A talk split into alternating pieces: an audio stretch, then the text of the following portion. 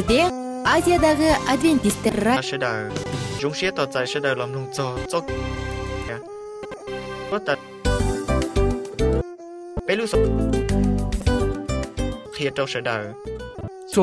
өмүр булагы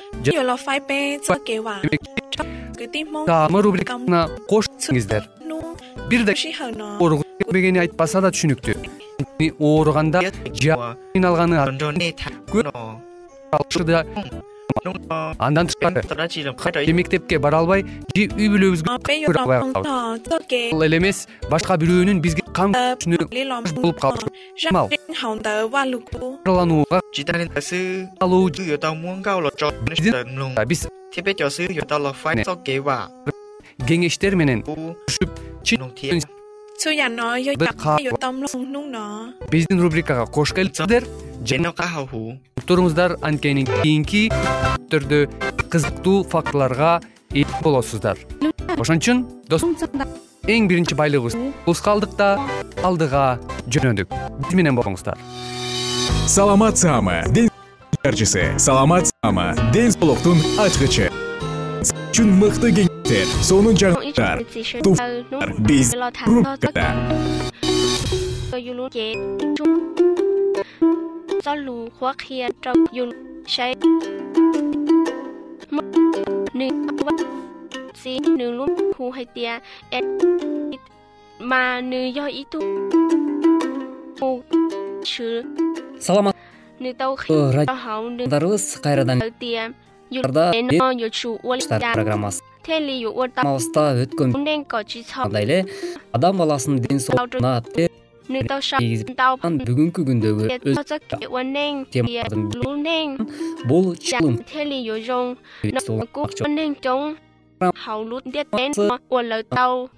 lún дал ушул андыктан биз менен мурунку берүүбүздө биз бул nữ tàu kia tia yu lú nên quân hậu chỉnh mua cho xía nhỏ mà yu lú chén chu nó chỉnh chủ phố chùa hú thiên rau mỏ hú lời do mua chỉ cá уска hú chờ sen lời cho lú Түрдө thế li wo chen y leng. neng y ya li bo thao u đào li y bo xiong thao lo lời neng đế tế chỉ tao mua kế và men lời tao hay tia do dùng mó mà yo chủ mua cho cỏ lon trà thế li rong nó khó Эле thế bo trâu tu туга менен cho du жазсаң mua nữ chọn trà кеңештерди ала алабыз lon trà түрдө tu.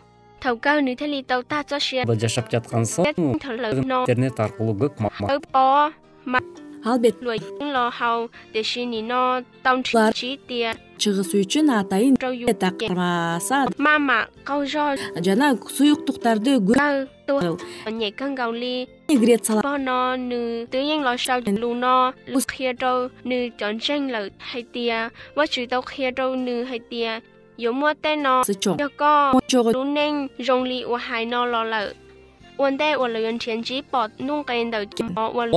сөзсүз э, заттары адамдын организмине сиңип ар кандай мисалы mỏ mà mua э, ким э, бассейнге э, көптөгөн баягы э, душ деп коет Hiện đang chụp пар этип денени мүмкүн жолдор ар như là ар không уулуу зат денеде ошо biết sự đời xin уулуу зат nhớ không cho luôn tâm lùng ta là lợi do, уста колдонсоңуз жакшы бир жардамдар сынгандан кийин нерв à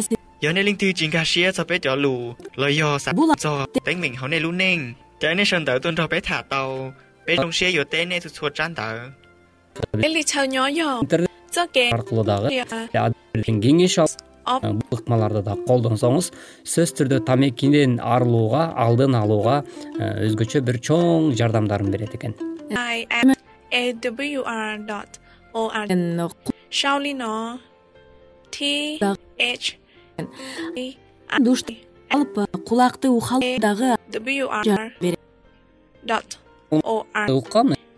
баягы э, чегүү же баягы ошол кулу болуп калган инсандарга ушундай ыкмаларды колдонуу өтө бир жакшы жардам берет.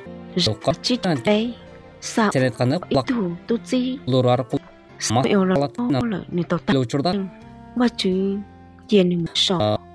Керек болсо мындай. пощщать эткенге дагы жардамдарын кан тамырлардын айланууа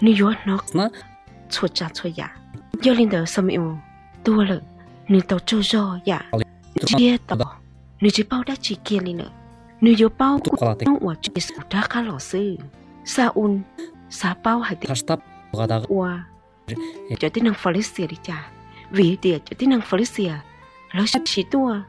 болот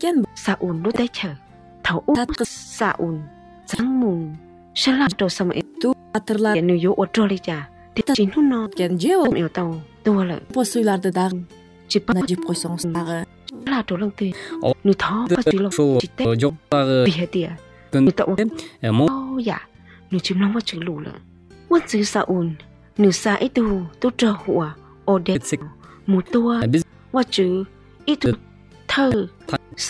суунунсы кылып бул таштап койгонго жакшы бир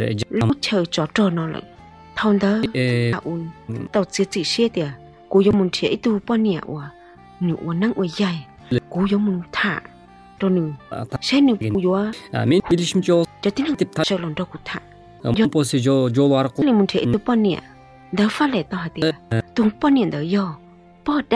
ушундя бар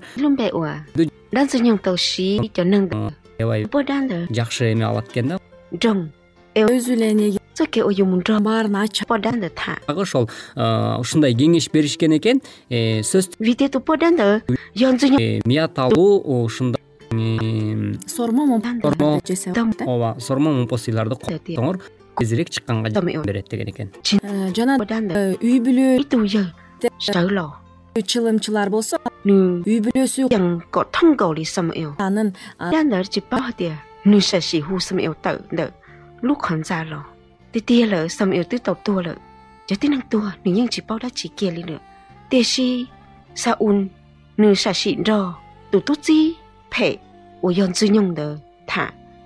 туугандарына сөзсүз түрдө көмөк көрсөтүш керек.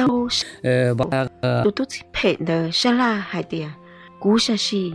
cho cho tên phơi xỉa ở trò cú xa có có ba khề của tìa cú dụ lý giả của thế lịch có dân cho tên phơi xỉa đờ tụ tụ chi phệ đờ nếu tao hãy đồ sạ ồn hai tìa có thia có cho dĩ năng nên dụ trò tùa nên dụ lòng trò của nhau thầu sạ ồn nó lên đờ nên chai chắp lờ lì khó nó do khó chạy ủa sạ ồn ta muốn thia chạy xa lan đờ dư nhông chỉ nhau tiền nữa сенин колуңан келет деп жогоруда кесиптешим өзүң айткандай эле ушундай э, бир адамды жерлей турган э, сөздөрдү колдонуп ошол инсандын көйгөйдү чечиш алдын алуусуна биз түрткү бере турган болсок э, сөзсүз түрдө ал жеңишке жетет деген ишеничим чоң. Туура андан кийин тамеки таштоо менен биргеликте эле ичкиликти да таштоо айтылгандай колду тамекини бир жолу чийип алса анда андаетинин баары текке кетет экен да ошон үчүн күн чыдап чыдапңуз андан кийин баары жакшы болот экен бөлүнгөн убакыт соңуна келип жетип калыптыр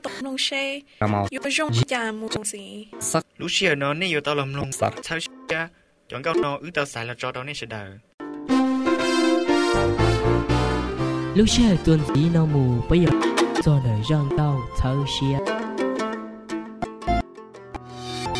саламатсаңбы күн жарчысы. Саламат. Күн сайын сиз үчүн сонун жаңылыктар кызыктуу фактылар биздин рубрикада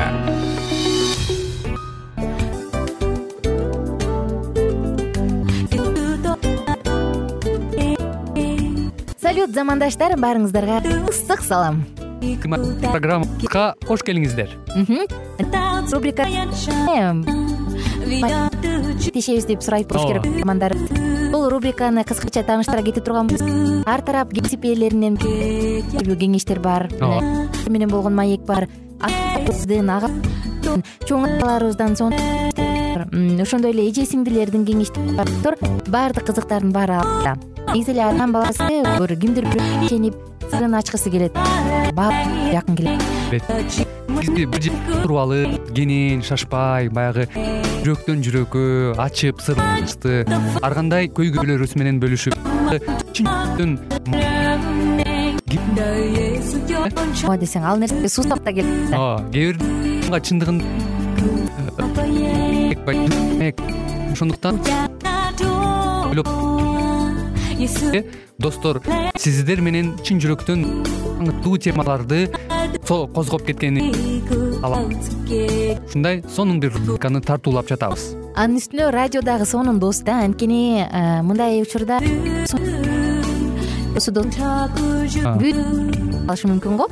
Радио болсо сени сатпаган сенин айыбыңды ачпаган.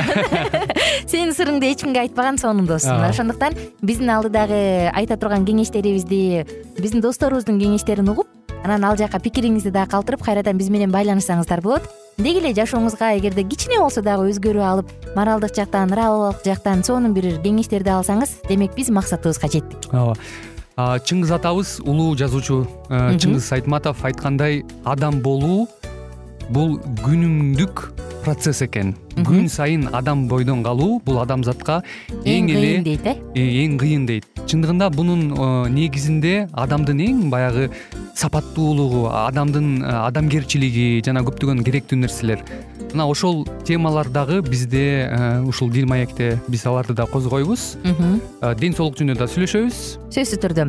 Анан милан мырза негизи айтып коюшат го. Биз көбүнчө эмнени ойлонсок ошол нерсеге карата иш кылабыз го. Ооба. Анан анысы кандай балким бул радио баракчада кимдир бирөөнүн оюн текшергенге жардам берет кимдир бирөөнүн жүрөгүн текшергенге жардам берет. Балким кимдир бирөөгө жашоонун маңызын тапканга жардам берет айтор кызыктын баары алдыда бул жөн гана кыскача жарнама анда угармандарыбыздын баардыгын кийинки рубрикабызга чакырабыз. Ал эми кызматта маңдайымда отурган кесиптешим милан жана мен айнура. Анда эмесе биз даярдаган терең терең ойлор менен таанышууга кеттик. Алыс алыс баралык анда эмесе достор биз менен бирге болуңуздар. Алдыда эң кызыктуу маалыматтардын баардыгы бир нече мүнөттөр бою жалгыз гана сизге арналат. Мына ошондуктан жакшы маанай менен угууну каалайбыз. Үн алышканча. Жөнөдүк.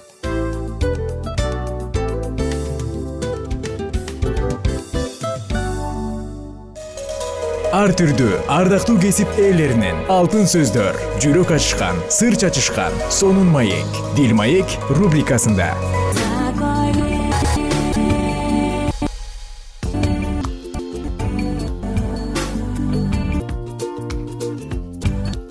кутмандуу кушубак күнүңүздөр менен аттуу угармандар салам айткан мен аку.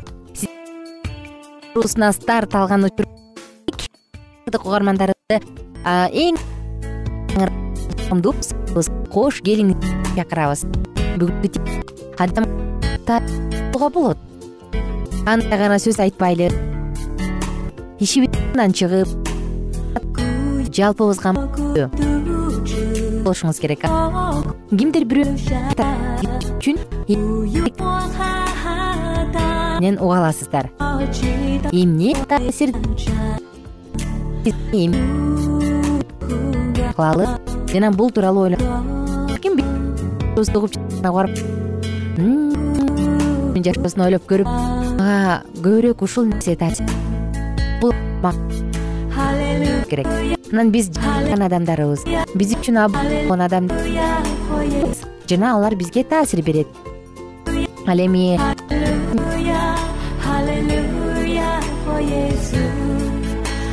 бирок анын таасири кандай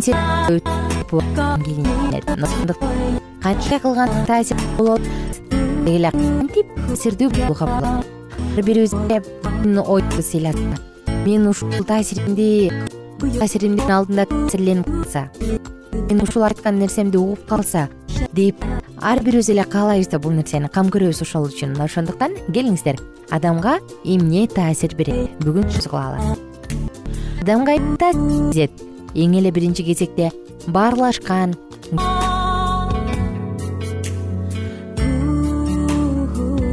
Эгер анын коомдор болсо ошол башка адамга экинчи адамга таасир бере алат. Үчүнчүсү өзүн өзү алып жүрүүсүнүн түрү. Адам коомдо өзүн алып жүрүүсүнүн төрт бар. Бул адам көз карандысы салып жүрөт өзүн аян менен иши жок деп коебуз э? Лидерлик кылат. Нейтралдуу жана көз карандуу. Адамдын коомдук ордуна карап таасир берсе болот тийгизүүнү кааласаңыз эмнени эске алып керек? Кайсы эрежелерди эске алуу туура. Эгер сиз таасир кылгыңыз келип жатса анда биринчи кезектеги айта кетели. Биринчи кезекте кызмат көрсөтүүсүн өтүнүңүз. Бул таасир бенджамин франклиндин эффекти деген ат менен тааныш.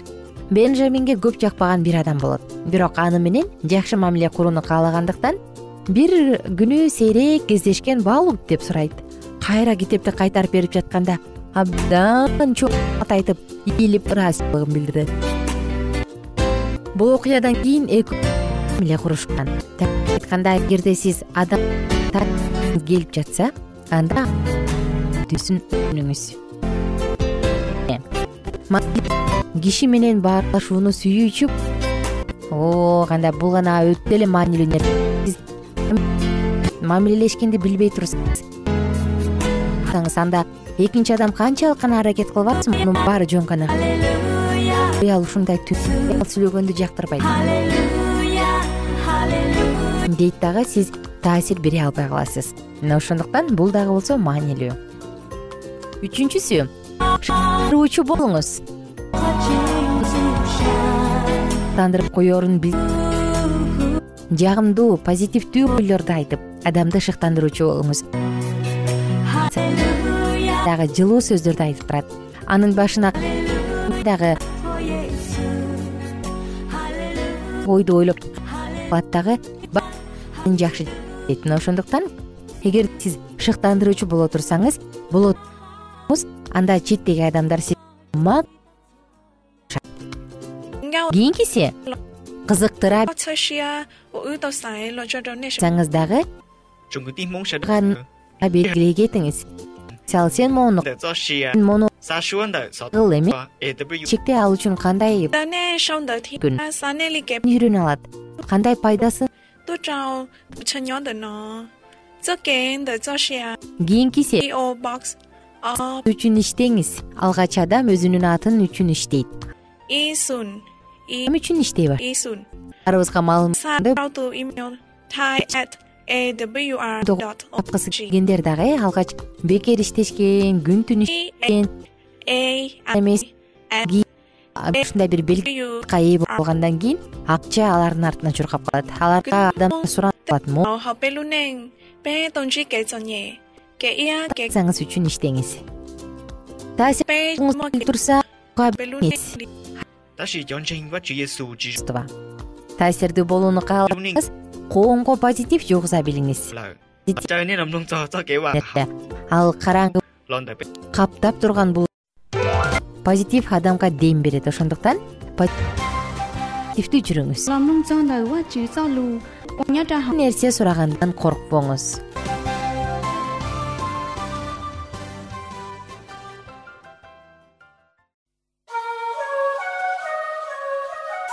өзүңдүн жаңылыштыгыңдын үстүнөн күлүп коюу депчи.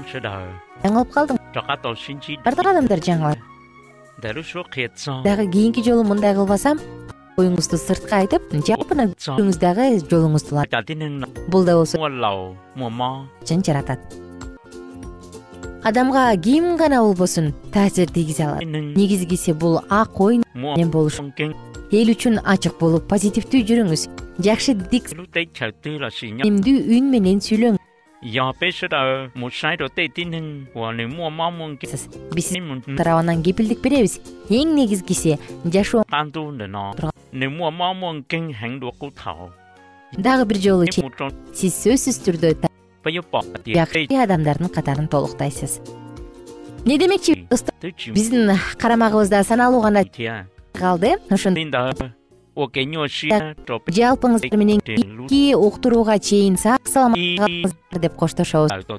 Уктурууда жалпыңыздарды күтөбүз. Сүйөбүз жана кийинки уктуруудан кайрадан амандашканча 给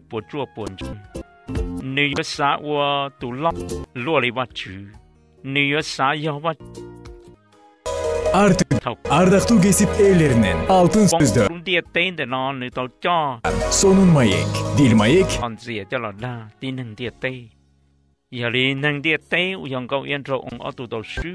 ыңды байыткан жүрөгүңдү азыктан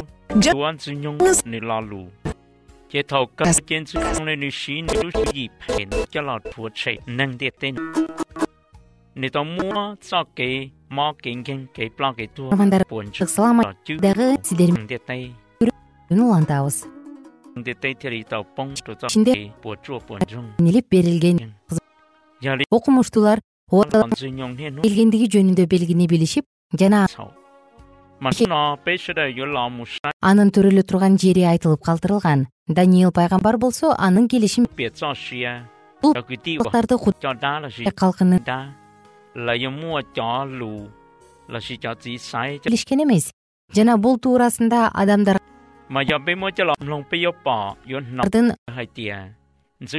билдирген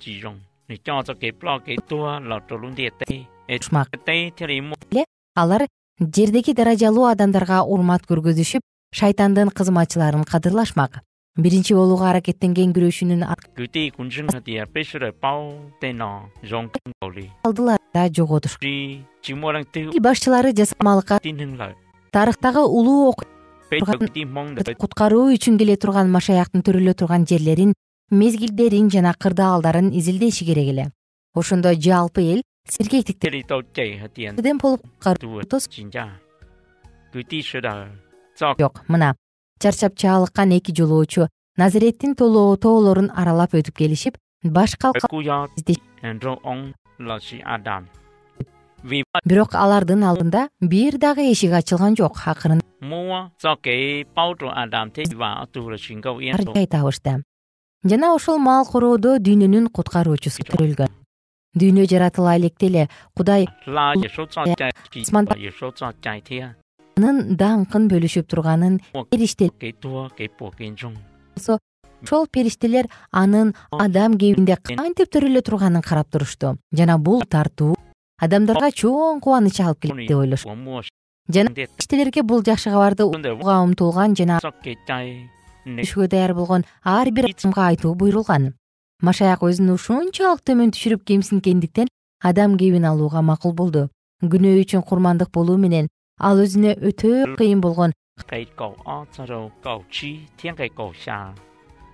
Өзүнүн ушунча кемсинтип адам кебин алган машаяктын жок дегенде ушул төмөнкү жийиркенерлик денеде ааламдардын падышасыанк менен өтүүсүн балким бул дүйнөнүн улуу израилге чогулушуп анын төрөлгөндүгүнө кубанышып той өткөзүшөр толкунданып турган балким саны жетпеген периштелер анын ким экендигин жарыялашат чыгар.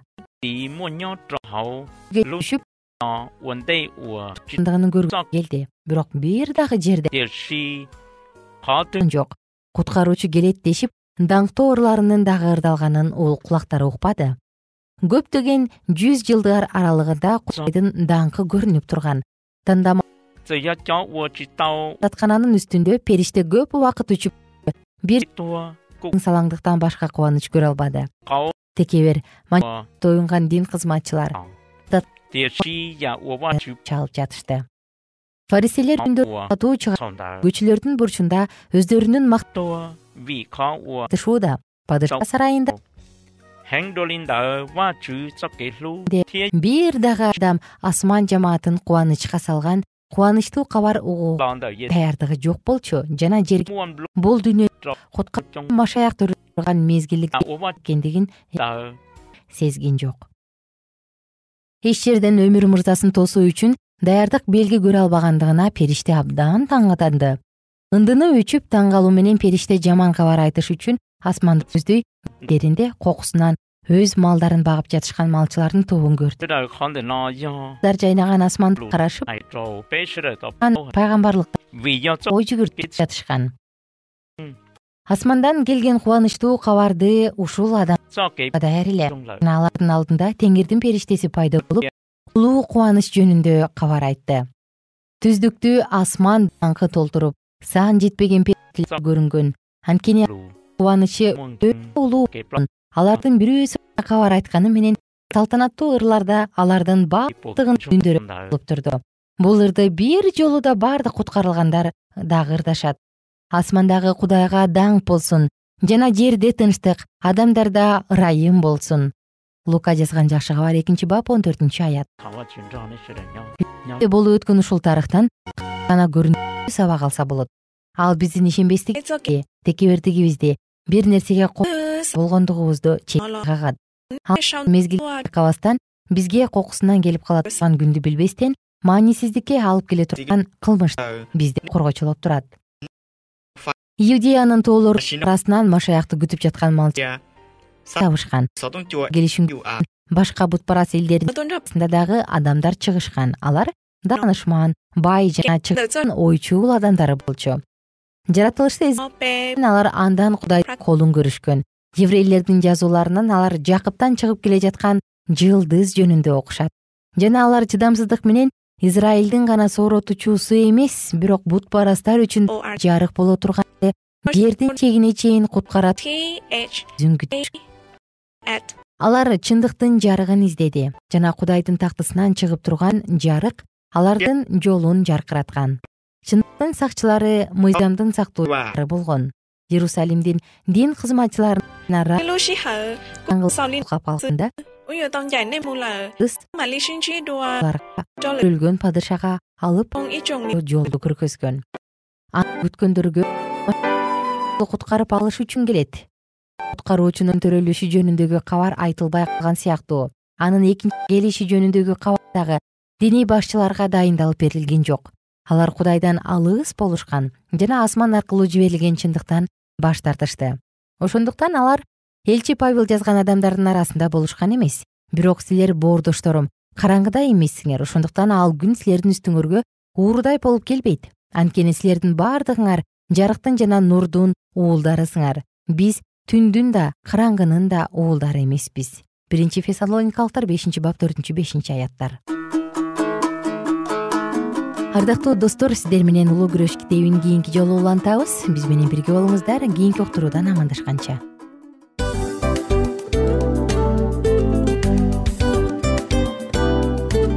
Ушул менен достор программабыздын уктуруубуздун эң кайгылуу мөөнөтүнө келип жеттик.